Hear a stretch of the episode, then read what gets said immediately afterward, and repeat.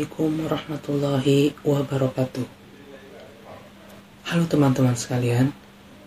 Kali ini saya akan membawakan dan membahas tentang sebuah topik. Topik ini yaitu tentang Undang-Undang Nomor 17 Tahun 2003. Yang di mana undang-undang ini berisi tentang keuangan negara nanti di undang-undang ini apa saja sih komponen-komponen dalam, dalam keuangan negara itu? Apa saja yang dibahas dalam undang-undang ini? Dan apa sebenarnya tujuan dari undang-undang ini dibuat? Oke sebelumnya saya akan memperkenalkan diri. Nama saya Yujiti Adarijal dari Ilmu Pemerintahan Universitas Muhammadiyah Yogyakarta. Oke, mulai saja ke materi ya. Berbicara tentang Undang-Undang Nomor 17 Tahun 2003. Jadi sejarahnya itu undang-undang ini dibuat sampai dibuat sebelumnya ada undang-undang yang terdahulu dari sejak zaman Belanda ada tiga undang-undang yakni indice convertibilities yang kedua indice Brad Wiven yang ketiga reglement for health administration behind kenapa undang-undang nomor 17 tahun 2003 ini dicetuskan? Karena undang-undang yang sebelumnya itu sudah dianggap tidak relevan dengan keadaan yang ada pada saat ini. Seiring dengan perkembangannya waktu, perkembangannya zaman, undang-undang itu dianggap tidak dapat berkontribusi, tidak dapat mengcover keadaan yang ada pada saat ini. Masalah-masalah yang ada yang muncul dalam waktu sekarang ini tidak dapat di cover jadi sehingga Indonesia itu mengeluarkan undang-undang tahun nomor 17 tahun 2003 ini. Selanjutnya apa saja sih isi dari undang-undang ini? Yang pertama itu reformasi penyusunan dan penetapan anggaran. Yang kedua reformasi pelaksanaan dan pertanggungjawaban pelaksanaan anggaran. Yang ketiga reformasi pengawasan anggaran. Jadi dari reformasi penyusunan, penetapan sampai pengawasan anggaran itu dibuat semata-mata untuk memperlancar, untuk mengawasi dan memberikan pertanggungjawaban kepada pemerintah atas apa yang didapatkan, apa yang dikeluarkan dari uang negara. Perlu kita ketahui bahwasannya apa sebenarnya pengertian dari keuangan negara menurut Undang-Undang Nomor 17 Tahun 2003 ini. Keuangan negara adalah semua hak dan kewajiban negara yang dapat dinilai dengan uang serta segala sesuatu baik berupa uang maupun berupa barang yang dijadikan milik negara berhubungan dengan pelaksanaan hak dan kewajiban tersebut. Pasal 1 berbunyi seperti itu, kemudian diolah oleh pemerintah dan dijadikan sebagai hal untuk pemenuhan kebutuhan dalam negara. Perlu kita ketahui dalam pasal 2 nomor 7 Undang-Undang nomor 17 tahun 2003 ini apa saja diliputi. Yang pertama hak negara memungut pajak, mengeluarkan dan mengedarkan uang melalui pinjaman, melalui apa saja jadi uang itu berputar. Pemerintah aktif menarik pajak dari masyarakat, dari rakyat. Sehingga uang-uang yang terkumpul itu nanti diedarkan dengan cara entah itu pelayanan publik, entah itu melalui berbagai cara pokoknya. Jadi ibaratnya itu dari rakyat kembali ke rakyat gitu rakyat memberikan kepada pemerintah, pemerintah akan menyalurkan kembali dalam bentuk pelayanan umum. contohnya yang kemudian tuh kemudian kewajiban negara untuk menyelenggarakan tugas lay layanan umum pemerintahan negara dan membayar tagihan pihak ketiga. Selanjutnya penerimaan negara. Penerimaan itu paling besar tuh dari pajak. Apa-apa itu dari pajak. Sehingga kita wa, sebagai warga negara itu wajib mengeluarkan pajak dan kita akan mendapatkan kita akan mendapatkan imbalan dari pajak yang kita berikan kepada pemerintah itu. Selanjutnya pengeluaran pengeluaran negara.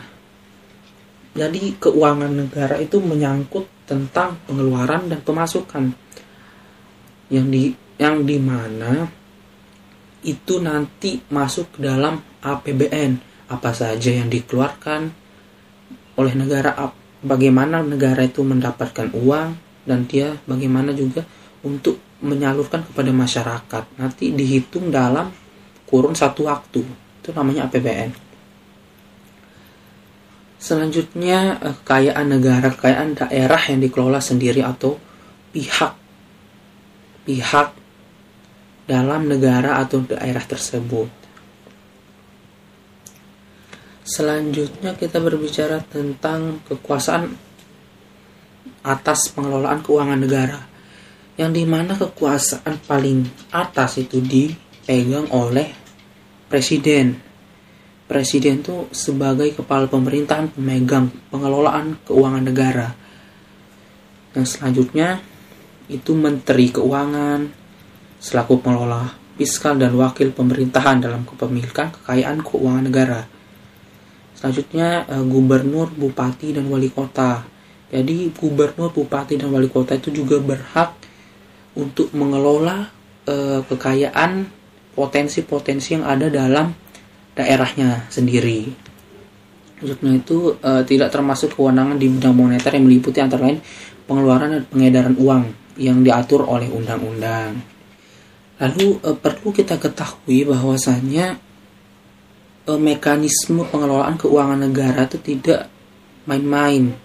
Jadi anggaran yang masuk dan yang keluar itu tetap dicatat anggaran pendapatan belanja negara maupun daerah itu harus tercatat dengan baik yang di mana APBN atau APBD itu berlaku mulai berlaku itu pada tanggal 1 Januari sampai 31 Desember. Penyusunan dan penetapan APBN atau APBD alurnya seperti ini. Pemerintah memberikan rancangan APBN atau APBD yang kemudian diteliti dan diperiksa oleh DPRD atau DPR yang kemudian nanti saat disetujui APBN atau RAPBD ini jika disetujui dia akan menjadi APBN dan APBD jika tidak setujui oleh DPR atau DPRD dia pemerintah itu akan menggunakan APBN tahun lalu. Lalu muncul pertanyaan, jika tahun ini ada program pemerintah yang belum terlaksanakan atau terhambat, bagaimana APBN-nya? Jadi itu nanti direncanakan kembali oleh pemerintah dan DPR, tetapi tidak dapat menggunakan APBN tahun ini tetap menggunakan APBN tahun lalu jika itu tidak disetujui oleh DPR atau DPRD. Pengawasan-pengawasan tidak lepas dari monitoring keuangan negara yang di mana setiap akhir periode yang kemudian nanti akan dipertanggungjawabkan yang di mana APBN atau APBD itu telah diaudit oleh BPK sehingga langsung diberikan kepada DPR sebagai pertanggungjawaban dalam satu tahun itu. Jadi dapat kita simpulkan bahwasanya keuangan negara entah itu APBN atau APBD itu sangat besar gitu dampaknya kepada masyarakat. Jadi tidak boleh disalahgunakan dimelencengkan dana-dananya agar masyarakat itu dapat merasakan efek, merasakan dampak dari apa yang mereka keluarkan. Walaupun kita sama-sama mengetahui bahwasannya sekarang ini banyak pihak-pihak yang tidak bertanggung jawab. Mereka mengagendakan sebuah perencanaan dalam membangun suatu kawasan, suatu bangunan, yang di mana nanti dana-dananya itu digelapkan gitu. Jadi banyak sekali sekarang problematika yang ada yang muncul di negara ini. Sehingga Undang-Undang nomor 17 tahun 2003 ini harus ditekankan bagaimana pemerintah itu harus tegas. Bagaimana pemerintah itu harus bersikap untuk menegakkan hukum sehingga nantinya diharapkan pemerintah ini akan bersih dari yang namanya penyalahgunaan dana, penyelewengan dana dan kita harapkan semoga Indonesia ke depannya lebih baik lagi dan mampu mengatur keuangan negara Republik Indonesia ini. Mungkin hanya ini yang bisa saya sampaikan saat ini. Sebenarnya masih banyak sekali dan sangat luas cakupannya Undang-Undang Nomor 17 Tahun 2003 ini tetapi bisa dibahas lain kali. E, mungkin hanya ini yang bisa saya sampaikan kurang lebihnya mohon dimaafkan. Wabillahi taufiq wal hidayah. Wassalamualaikum warahmatullahi wabarakatuh